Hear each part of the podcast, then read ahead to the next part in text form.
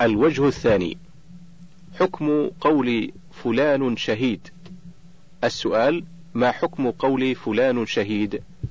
الجواب الجواب على ذلك أن الشهادة لأحد بأنه شهيد تكون على وجهين. أحدهما أن تقيد بوصف مثل أن يقال كل من قتل في سبيل الله فهو شهيد ومن قتل دون ماله فهو شهيد ومن مات بالطاعون فهو شهيد ونحو ذلك.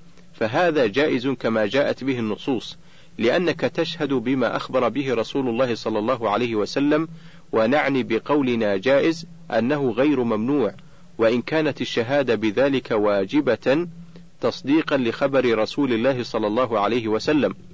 الثاني أن تقيد الشهادة بشخص معين مثل أن تقول لشخص بعينه إنه شهيد فهذا لا يجوز إلا لمن شهد له النبي صلى الله عليه وسلم أو اتفقت الأمة على الشهادة له بذلك.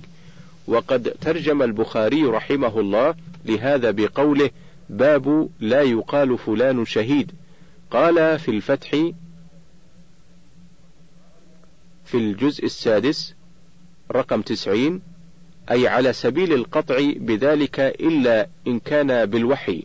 وكأنه أشار إلى حديث عمر أنه خطب فقال تقولون في مغازيكم فلان شهيد ومات فلان شهيدا ولعله قد يكون قد أوقر راحلته.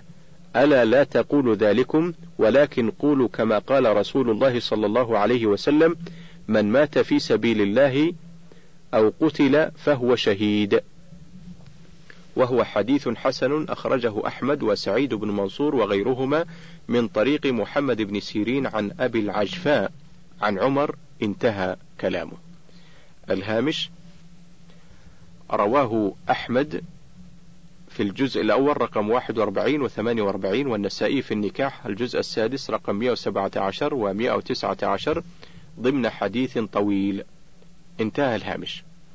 ولأن الشهادة بالشيء لا تكون إلا عن علم به وشرط كون الإنسان شهيدا أن يقاتل لتكون كلمة الله هي العليا. وهي نية باطنة لا سبيل إلى العلم بها ولهذا قال النبي صلى الله عليه وسلم مشيرا إلى ذلك مثل المجاهد في سبيل الله والله أعلم بمن يجاهد في سبيله. إلى آخره. الهامش رواه البخاري في الجهاد رقم 2787 انتهى الهامش.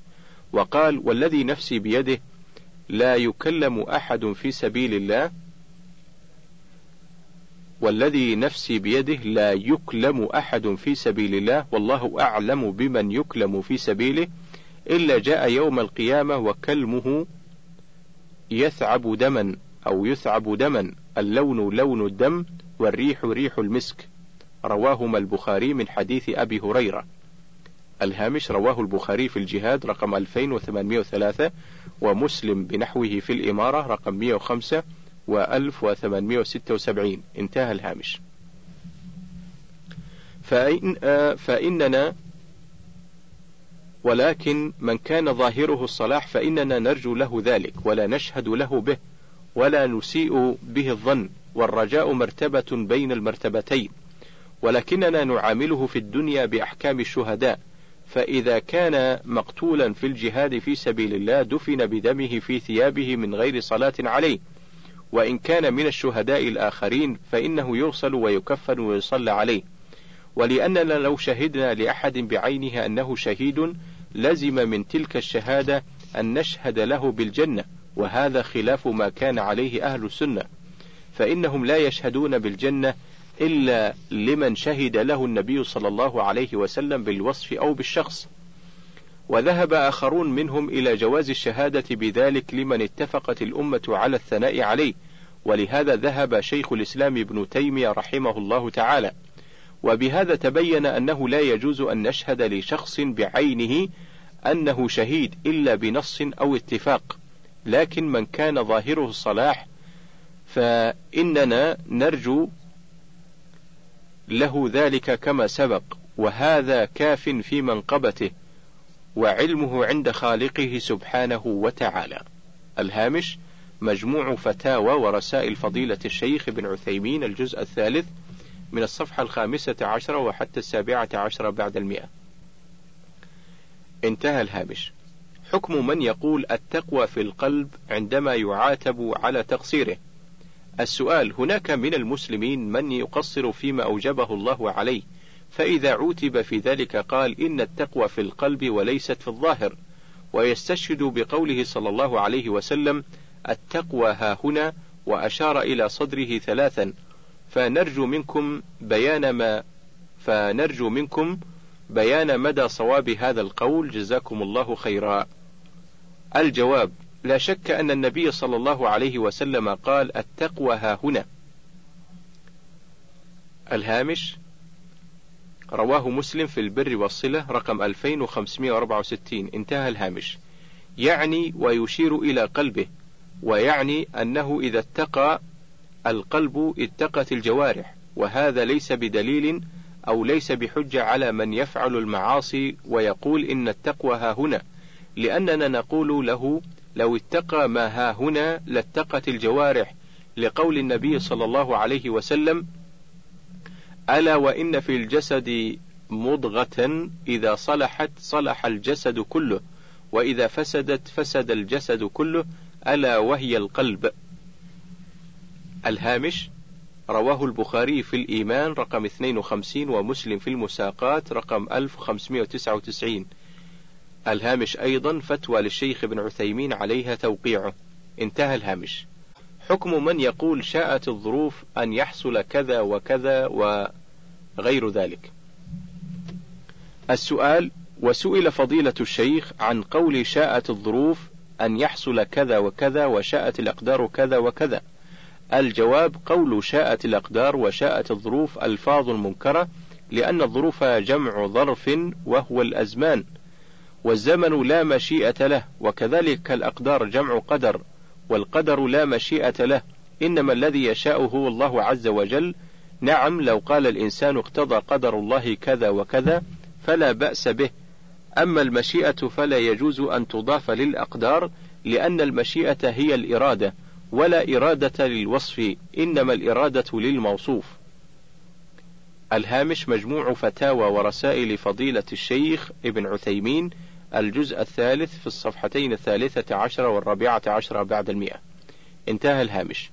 حكم من يقول لا تكن متشددا إذا نصح في ترك معصية. السؤال ما حكم من إذا نصح في فعل يخالف الشرع بادر قائلا لا تكن متشددا ومتعصبا وكن معتدلا ونرجو بيان معنى الاعتدال جزاكم الله خيرا الجواب من نصح عن شيء محرم في الشرع ليجتنبه أو عن ترك واجب ليقوم به ثم قال مثل هذا القول فإنه مخطئ. بل الواجب إذا نصحه أحد أن يشكر لمن نصحه وأن ينظر في أمره إذا كان ما نصح عنه حقا فليتجنب المحرم وليقم بالواجب. وأما قوله إنك متشدد فإن التشديد والتيسير والاعتدال مرجعه إلى إلى الشرع. فما وافق الشرع فهو الاعتدال وما زاد عنه فهو التشدد وما نقص عنه فهو التساهل. فالميزان في هذا كله هو الشرع ومعنى الاعتدال هو موافقة الشرع. فما وافق الشرع فهو الاعتدال.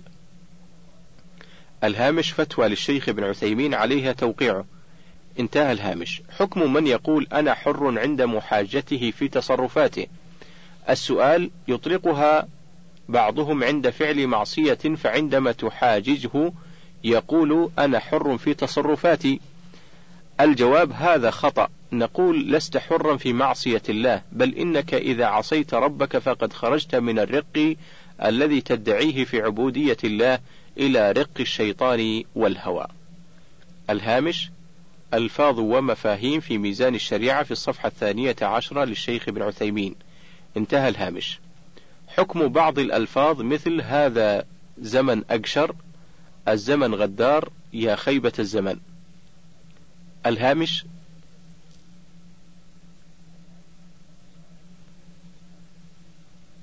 السؤال سئل فضيلة الشيخ عن هذه العبارات هذا زمان أقشر أو الزمن غدار أو يا خيبة الزمن الذي رأيتك فيه. الجواب فأجاب بقول هذه العبارات التي ذكرت في السؤال تقع على وجهين. الوجه الأول أن تكون سبا وقدحا في الزمن فهذا حرام ولا يجوز لأن ما حصل في الزمن فهو من الله عز وجل. فمن سبه فقد سب الله.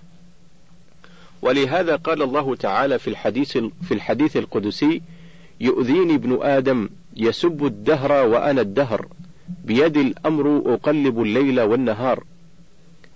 الهامش رواه البخاري في التفسير رقم 4826 ومسلم في الألفاظ رقم 2246 انتهى الهامش. والوجه الثاني أن يقولها على سبيل الإخبار فهذا لا بأس به ومنه قوله تعالى عن لوط عليه الصلاة والسلام وقال هذا يوم عصيب.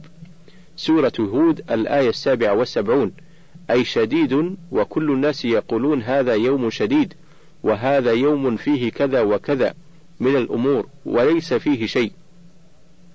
وأما قول هذا زم هذا الزمن غدار فهذا سب لأن الغدر صفة ذم ولا يجوز.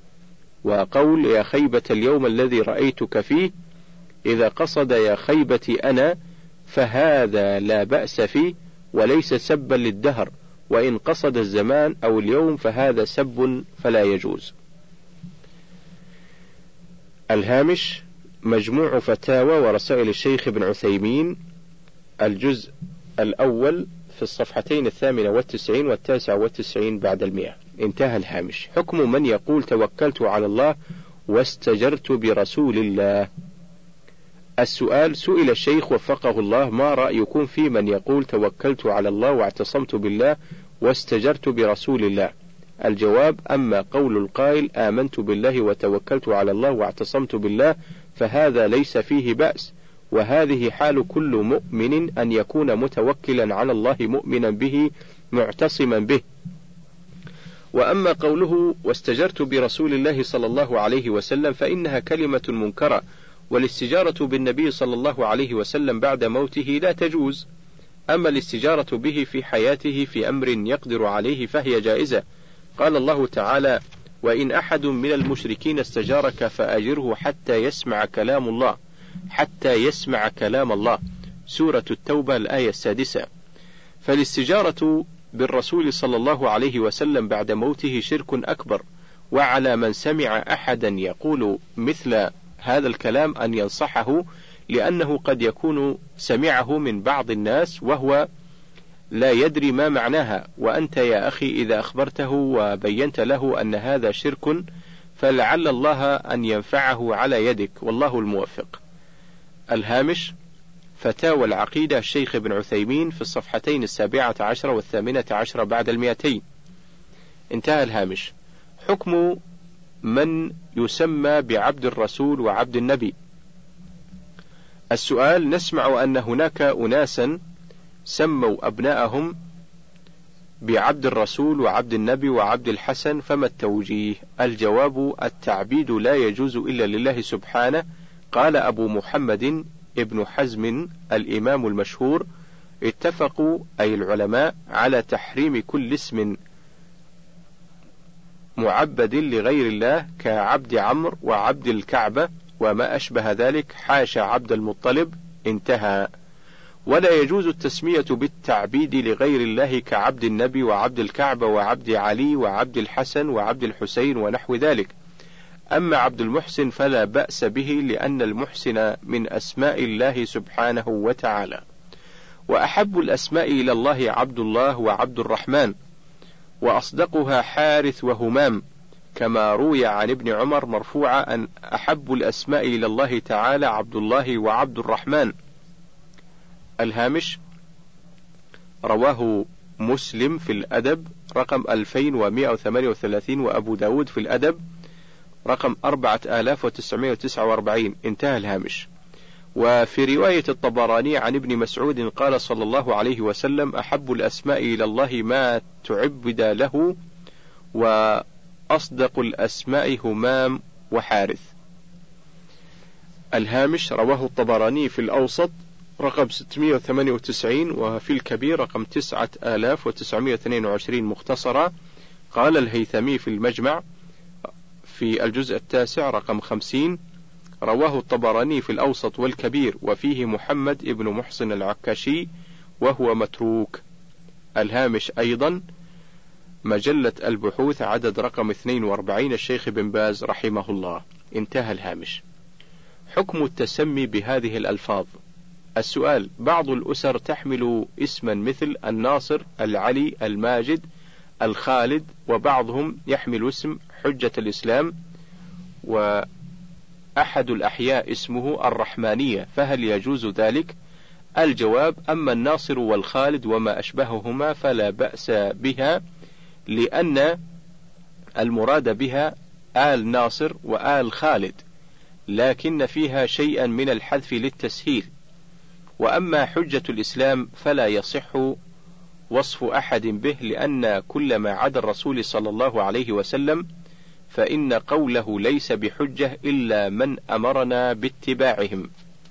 وهم الخلفاء الراشدون لأن قولهم حجة ما لم يخالف نصا ويخالف قول ويخالف قول صحابي آخر. فإن خالف النص فالنص مقدم على قول كل أحد وإن خالف قول صحابي آخر طلب الترجيح بين القولين.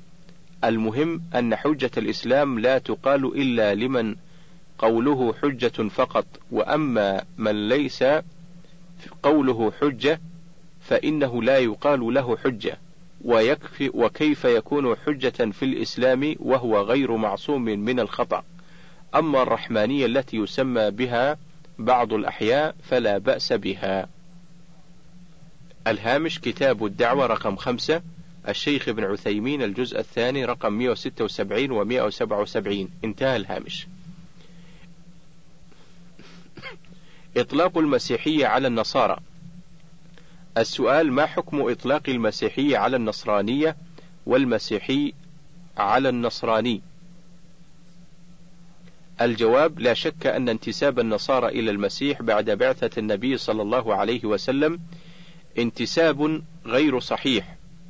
لأنه لو كان صحيحا لآمنوا بمحمد صلى الله عليه وسلم فإن إيمانهم بمحمد صلى الله عليه وسلم إيمان بالمسيح عيسى بن مريم عليه الصلاة والسلام لأن الله تعالى قال وإذ قال عيسى بن مريم يا بني إسرائيل إني رسول الله إليكم مصدقا لما بين يدي من التوراة ومبشرا ومبشرا برسول يأتي من بعد اسمه أحمد فلما جاءهم بالبينات قالوا هذا سحر مبين.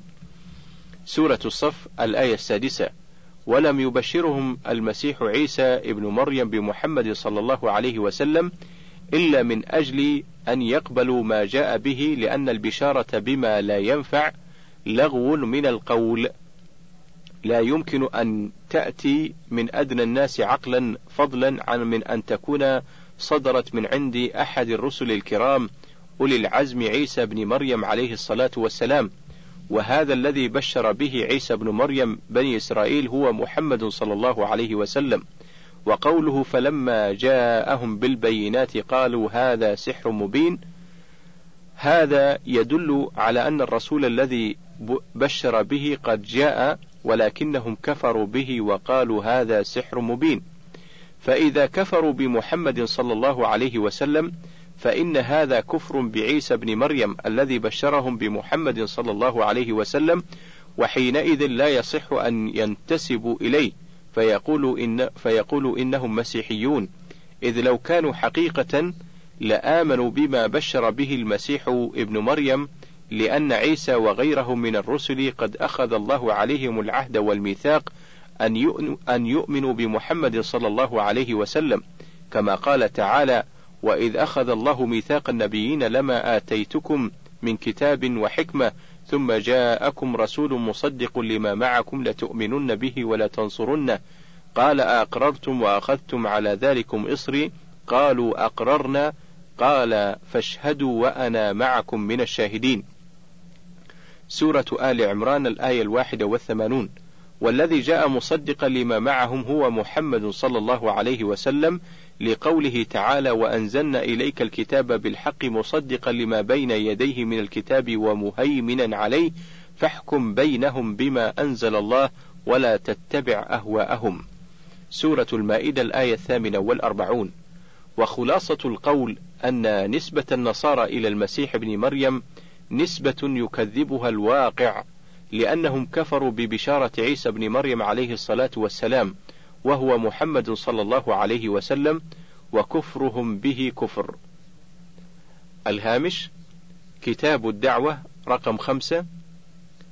الشيخ ابن عثيمين الجزء الثاني رقم 177 وحتى الصفحة رقم 179 انتهى الهامش. الاستهزاء بالمدرسات ونبزهن بالألقاب. السؤال تقوم بعض الطالبات بالاستهزاء بالمعلمات ونبزهن بالألقاب سواء القبيحة أو المضحكة ويقولن إنهن لا يعنين ذلك وإنما هو فقط على سبيل المزاح. الجواب على المسلم حفظ لسانه عما يؤذي المسلمين أو ينقص قدرهم أو ينقص قدرهم. ففي الحديث لا تؤذوا المسلمين ولا تتبعوا عوراتهم. الهامش رواه أحمد في الجزء الرابع رقم 421 و 424 انتهى الهامش. وقد قال الله تعالى ويل لكل همزة هم ويل لكل همزة لمزة. سورة الهمزة الآية الأولى. وقال تعالى هماز مشاء بنميم.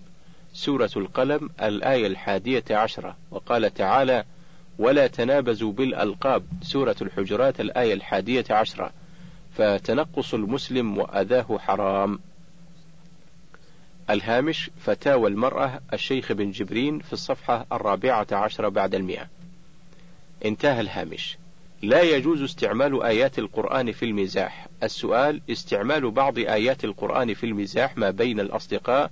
خذوه فغلوه. سورة الحق الآية الثلاثون. ووجوه يومئذ عليها غبرة سورة عبسة الآية الأربعون سيماهم في وجوههم سورة الفتح الآية التاسعة والعشرون. هل يجوز استعمال هذه الآيات في المزاح بين الأصدقاء؟ الهامش فتاوى اللجنة الدائمة السؤال الرابع من الفتوى رقم ستة آلاف ومائتين واثنين وخمسين. انتهى الهامش. الحمد لله وحده والصلاة والسلام على رسوله وآله وصحبه وبعد. الجواب لا يجوز استعمال آيات القرآن في المزاح على أنها آيات من القرآن أما إذا كانت هناك كلمات دارجة على اللسان لا يقصد بها حكاية آية من القرآن أو جملة منه فيجوز وبالله التوفيق وصلى الله على نبينا محمد وآله وصحبه وسلم. لا بأس بالتمثل بالقرآن. السؤال: نسمع كثيرا من الإخوان الآيات القرآنية لضرب أمثلة كقوله تعالى: لا يسمن ولا يغني من جوع. سورة الغاشية الآية السابعة. و قوله منها خلقناكم وفيها نعيدكم سورة طه الآية الخامسة والخمسون فهل هذا جائز أم لا وإذا كان جائزا ففي أي الحالات يمكن ذكرها وترديدها جزاكم الله خيرا الهامش فتاوى الشيخ الفوزان المنتقى الجزء الأول رقم ثمانين وواحد وثمانين. انتهى الهامش. الجواب لا بأس بالتمثل بالقرآن الكريم إذا كان ذلك لغرض صحيح كأن يقول هذا الشيء لا يسمن ولا يغني من جوع أو يقول منها خلقناكم وفيها نعيدكم. سورة طه الآية الخامسة والخمسون. إذا أراد التذكير بحالة الإنسان مع الأرض وأنه خلق منها ويعود إليها بعد الموت ثم يبعثه الله منها. فالتمثيل بالقرآن الكريم إذا لم يكن على وجه السخرية والاستهزاء لا بأس به. وأما إذا كان على وجه السخرية والاستهزاء فهذا يعتبر ردة عن الإسلام، لأن من استهزأ بالقرآن الكريم أو بشيء من ذكر الله عز وجل وهزل بشيء من ذلك فإنه يرتد عن دين الإسلام كما قال تعالى: قل أب الله وآياته ورسوله كنتم تستهزئون لا تعتذروا قد كفرتم بعد إيمانكم سورة التوبة الآيتان الخامسة والستون والسادسة والستون فيجب تعظيم القرآن واحترامه. سب دين الأشياء السؤال رجل يكتب على ورقة وفي أثناء الكتابة أخطأ في بعض الكلمات فانزعج كثيرا من ذلك ومن شدة غضبه سب دين وسماء القلم والورقة فهل يعتبر سباب دين القلم أو الورقة أو الحجر أو الشجر أو الكرسي أو الكأس إلى آخره من هذه الأشياء هل يعتبر كفرا؟ الجواب لا شك أن هذا السب حرام ولو قيل أن القلم والورقة لا يدينان بالدين الذي هو العبادات لكن لكن معلوم أن الدين واحد وأن الله تعالى هو الذي سخر هذه الأقلام والأدوات ويسر استعمالها فيخاف أن فيخاف أن السب يرجع إلى الله تعالى فعليه التوبة والاستغفار وعدم العودة إلى مثل هذا. الهامش اللؤلؤ المكين من فتاوى ابن جبرين في الصفحة الرابعة والثلاثين انتهى الهامش. فتاوى متنوعة. النكت في الإسلام. السؤال ما حكم النكت في ديننا الإسلامي؟ وهل هي من لهو الحديث علما بأنها ليست استهزاء بالدين أفتون مأجورين؟ الجواب التفكه بالكلام أو التنكيت. إذا كان بحق وصدق فلا بأس به ولا سيما مع عدم الإكثار من ذلك. وقد كان النبي صلى الله عليه وسلم يمزح ولا يقول إلا حقا صلى الله عليه وسلم. أما ما كان بالكذب فلا يجوز لقول النبي صلى الله عليه وسلم ويل للذي يحدث فيكذب ليضحك به القوم. ويل له ثم ويل له والله ولي التوفيق. الهامش الحديث أخرجه أبو داود في الأدب رقم 4990 والترمذي في الزهد رقم 2315 والنسائي في الكبرى رقم 11126 وعشرين. أحد عشر ألفا ومئة وستة وعشرين. وأحد عشر ألفا وستمائة وخمسة وخمسين بإسناد جيد. الهامش أيضا مجلة البحوث العدد رقم 27 في الصفحتين السابعة والثمانين والثامنة والثمانين الشيخ بن باز رحمه الله. انتهى الهامش. الرفق بالحيوان من عبد العزيز بن عبد الله بن باز إلى جناب الأخ المكرم. السلام عليكم ورحمة الله وبركاته. أما بعد فقد اطلعت على رسالتكم المؤرخة في الرابع والعشرين من الشهر العاشر من عام اثنين وثمانين وتسعمائة ألف للميلاد. بخصوص ما رغبتم في كتابته منا في موضوع نقل الحيوان من بلادكم بأستراليا إلى الشرق الأوسط وما يتعرض له من ظروف الشحن السيئة وأحوال السفن التي ينقل عليها وما ينتج من الزحام وما إلى ذلك. وإذ ندعو الله أن يسلك بنا وبكم وإخواننا وإذ ندعو الله أن يسلك بنا وبكم وإخواننا المسلمين صراطه المستقيم لنشكركم على اهتمامكم بهذا الجانب المهم كما تسرنا إجابتكم على ضوء نصوص الكتاب الكريم والسنة المطهرة الواردة بالحث على الإحسان الشامل للحيوان مأكول اللحم وغير مأكوله. مع طائفة من الأحاديث مما صح في الوعيد لمعذبه سواء كان ذلك نتيجة تجويع أو إهمال في حالة نقل أو سواه. فمما جاء في الحث على الإحسان الشامل للحيوان وسواه قوله تعالى: وأحسنوا إن الله يحب المحسنين سورة البقرة الآية الخامسة والتسعون بعد المئة. وقوله تعالى إن الله يأمر بالعدل والإحسان سورة النحل الآية التسعون. وقول النبي صلى الله عليه وسلم فيما رواه مسلم وأصحاب السنن إن الله كتب الإحسان على كل شيء فإذا قتلتم فأحسنوا القتلة وإذا ذبحتم فأحسنوا الذبحة وليحد أحدكم شفرته وليرح ذبيحته. الهامش رواه مسلم في الصيد رقم 1955 انتهى الهامش. ومما جاء في غاثة الملهوف صح الخبر بعظم الأجر لمغيثه وغفران ذنبه وشكر صنيعه فعن أبي هريرة رضي الله عنه أن رسول الله صلى الله عليه وسلم قال بينما رجل يمشي بطريق اشتد عليه العطش فوجد بئرا فنزل فيها فشرب ثم خرج فإذا كلب يلهث يأكل الثرى من العطش. فقال الرجل لقد بلغ هذا الكلب من العطش مثل الذي بلغ مني. فنزل البئر فملأ خفه ماء ثم أمسكه بفيه حتى رقي فسقى الكلب فشكر الله له فغفر له. فقالوا يا رسول الله إن لنا في البهائم أجرا. فقال في كل كبد رطبة أجر. الهامش رواه البخاري في الأدب. رقم ستة آلاف وتسعة ومسلم في السلام رقم ألفين ومئتين وأربعة وأربعين. انتهى الهامش. وعنه قال قال رسول الله صلى الله عليه وسلم بينما كلب يطيف بركية قد كان يقتله العطش إذ رأته بغي من بغايا بني إسرائيل فنزعت موقها فاستقت له به فسقته فغفر, فغفر لها به.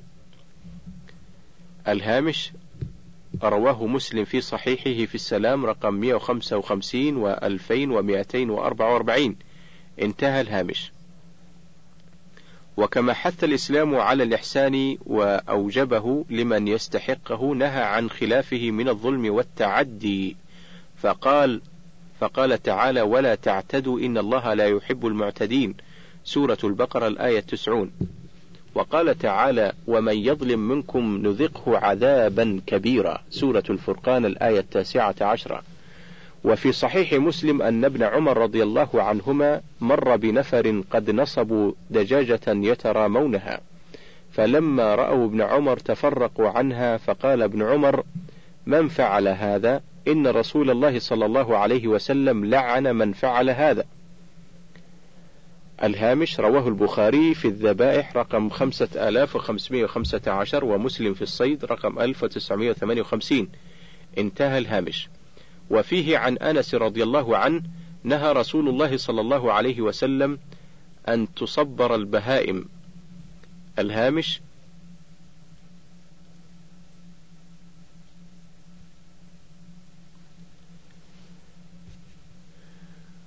رواه البخاري في الذبائح رقم خمسة آلاف وخمسمائة وثلاثة عشر ومسلم في الصيد رقم ألف وتسعمائة وستة وخمسين. انتهى الهامش.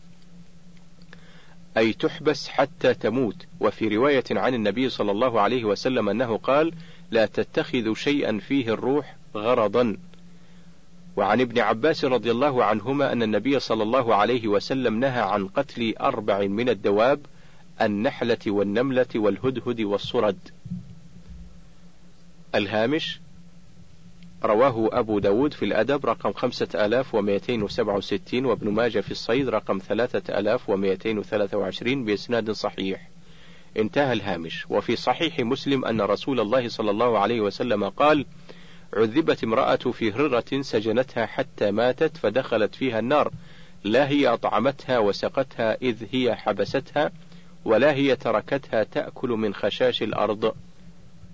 الهامش رواه البخاري في أحاديث الأنبياء رقم 3482 ومسلم في السلام رقم 2242 انتهى الهامش.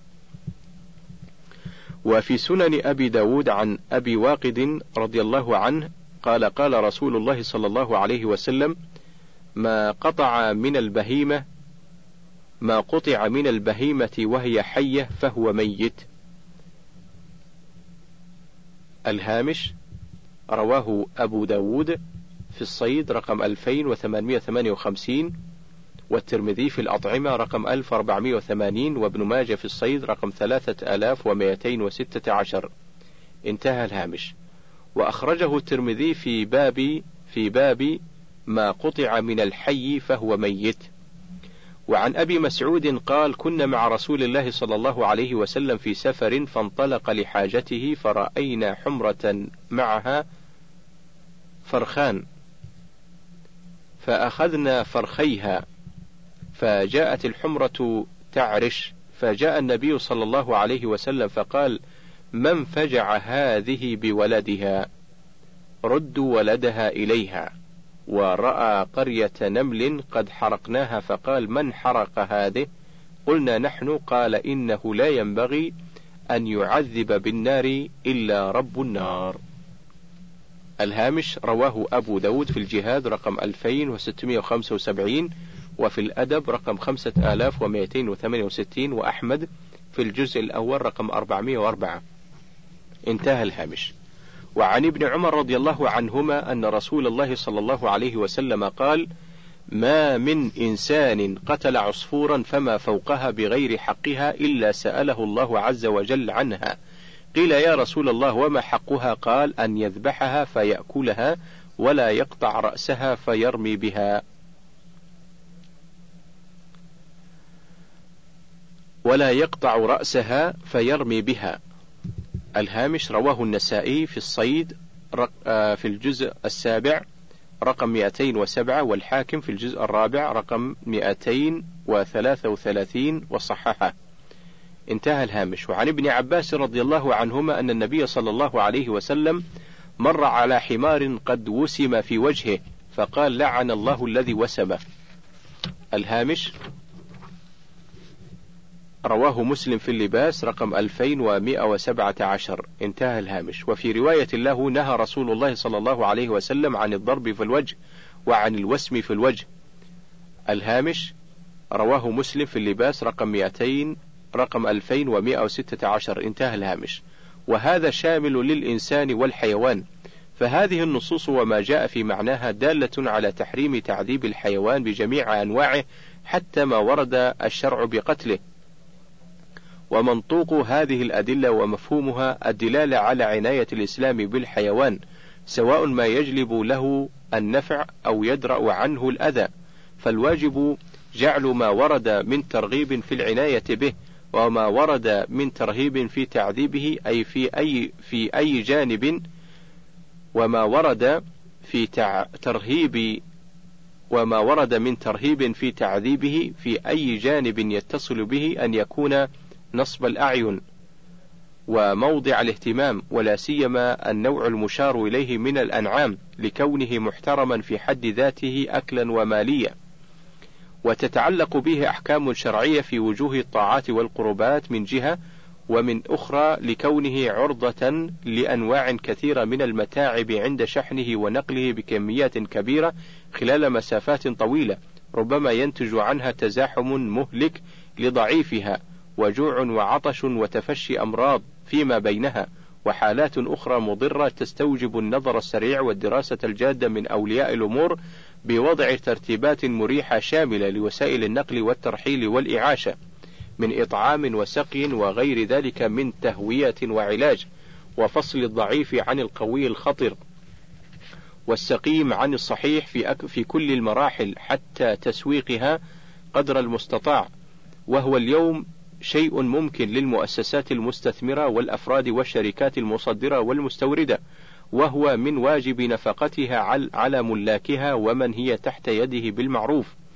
ومما يؤسف له ويستوجب ويستوجب الإنكار والتحذير منه الطرق المستخدمة اليوم في ذبح الحيوان مأكول اللحم في أكثر بلدان العالم الأجنبي، وما يمهد له عند الذبح بأنواع من التعذيب كالصدمات الكهربائية في مركز الدماغ لتخديره ثم مروره بكلاليب تخطفه وتعلقه منكسا وهو حي مارا بسير كهربائي حتى موضع من يتولى ذبحه لدى بعض مصانع الذبح والتعليب ومنها نتف ريش الدجاج والطيور وهي حية أو تغطيسها في ماء شديد الحرارة وهي حية أو تسليط بخار عليه لإزالة الريش. زاعمين أنه أرفق بما يراد ذبحه من الحيوان حسبما هو معلوم عند بعض تلك الطرق للذبح وهذا فيه من التعذيب ما لا يخفى مخالفته لنصوص الأمر بالإحسان إليه والحث على ذلك في الشريعة الإسلامية السمحة. وكل عمل مخالف لها وكل عمل مخالف لها يعتبر تعديا وظلما يحاسب عليه قاصده لما سلف ذكره. ولما صح في الحديث إن الله لا يقتص للشاة الجلحاء من الشاة القرناء. الهامش رواه مسلم بنحوه في البر رقم 2582 وأحمد في الجزء الأول رقم 72 انتهى الهامش. فكيف بمن يعقل الظلم ونتائجه السيئة ثم يقدم عليه؟ وبناء على النصوص الشرعية ومقتضياتها بوب فقهاء التشريع الإسلامي ما يجب ويستحب أو يحرم ويكره بخصوص الحيوان بوجه عام وبما يتعلق بالذكاة لمباح الأكل بوجه تفصيلي خاص. نسوق طائفة مما يتعلق بجانب الإحسان إليه عند تذكيته ومنه المستحبات الآتية. واحد عرض الماء على ما يراد ذبحه للحديث السابق إن الله كتب الإحسان على كل شيء. رواه مسلم في الصيد رقم 1955 انتهى الهامش. اثنان أن تكون آلة الذبح حادة وجيدة وأن يمرها الذابح على محل الذكاة بقوة وسرعة ومحله اللب من الإبل والحلق من غيرها من المقدور على تذكيته. ثلاثة أن تنحر الإبل قائمة معقولة يدها اليسرى إن تيسر ذلك موجهة إلى القبلة. أربعة وذبح غير الإبل مضجعة على جنبها الأيسر موجهة إلى القبلة ويضع رجله على صفحة عنقها غير مشدودة الأيدي إلى الأرجل وبدون لي شيء منها أو كسره قبل زهوق روحها وسكون حركتها ويكره خلع رقبتها قبل ذلك أو أن تذبح وأخرى تنظر هذه المذكورات مما يستحب عند التذكية للحيوان رحمة به وإحسانا إليه ويكره خلافها وكل ما لا إحسان فيه كجره برجله.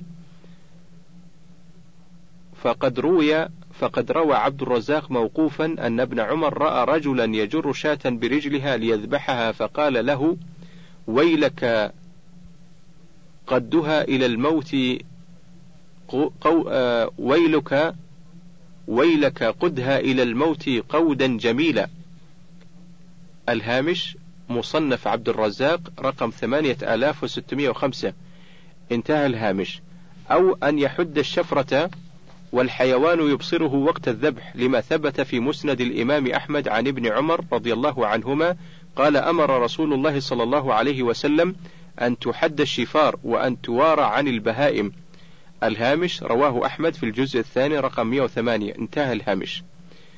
وما ثبت في معجمي الطبراني الكبير والأوسط ورجاله رجال صحيح رجال الصحيح عن عبد الله بن عباس رضي الله عنهما قال مر رسول الله صلى الله عليه وسلم على رجل واضع رجله على صفحة شاة وهو يحد شفرته وهي تلحظ إليه ببصرها. قال أفلا قبل هذا؟ أتريد أن تميتها مر موتتين؟ الهامش رواه الطبراني, الطبراني في الكبير رقم أحد عشر ألفا وتسعمائة وستة وخمسين وفي الأوسط رقم ثلاثة آلاف وخمسمائة وتسعة. قال الهيثمي في المجمع في الجزء الرابع رقم ثلاثة وثلاثين رجاله رجال الصحيح. انتهى. أما غير المقدور على تذكيته كالصيد الوحشي أو المتوحش وكالبعير يند فلم يقدر عليه فيجوز رميه بسهم أو نحوه بعد التسمية عليه مما يسيل الدم غير عظم وظفر. ومتى قتله السهم جاز أكله لأن قتله بذلك في حكم تذكية المقدور عليه تذكية شرعية ما لم يحتمل موته بغير السهم أو معه. وهذا جرى ذكره منا على سبيل الإفادة بمناسبة طلبكم لا على سبيل الحصر. لما ورد وصح نقله بشأن الحيوان على اختلاف أنواعه. فالإسلام دين الرحمة وشريعة الإحسان ومنهاج الحياة المتكامل والطريق الموصل إلى الله ودار كرامته فالواجب الدعوة له والتحاكم إليه والسعي في نشره بين من لا يعرفه. وتذكير عامة المسلمين بما يجهلون من أحكامه ومقاصده ابتغاء وجه الله فمقاصد التشريع الإسلامي في غاية العدل والحكمة. فلا تحريم من كل نافع حيواني خلافا لما عليه البوذيين ولا إباحة لكل ضار منه خلافا لما عليه أكلة الخبائث من الخنزير والسباع المفترسة وما في حكمها ولا ظلم ولا إهدار لحرمة كل محترم من نفس أو مال أو عرض فنشكر الله على نعمه التي أجلها التي أجلها نعمة الإسلام مع الابتهال إليه أن ينصر دينه ويعلي كلمته وألا يجعلنا بسبب تقصيرنا وألا يجعلنا بسبب تقصيرنا فتنة للقوم الكافرين وصلى الله وسلم على نبينا محمد المبلغ البلاغ المبين وعلى آله وصحبه ومن اهتدى بهديه إلى يوم الدين والسلام عليكم ورحمة الله وبركاته. الهامش مجلة الدعوة الشيخ بن باز يرحمه الله العدد رقم 910 انتهى الهامش وبهذا انتهى الشريط الرابع والعشرون وننتقل إلى الشريط الخامس والعشرين.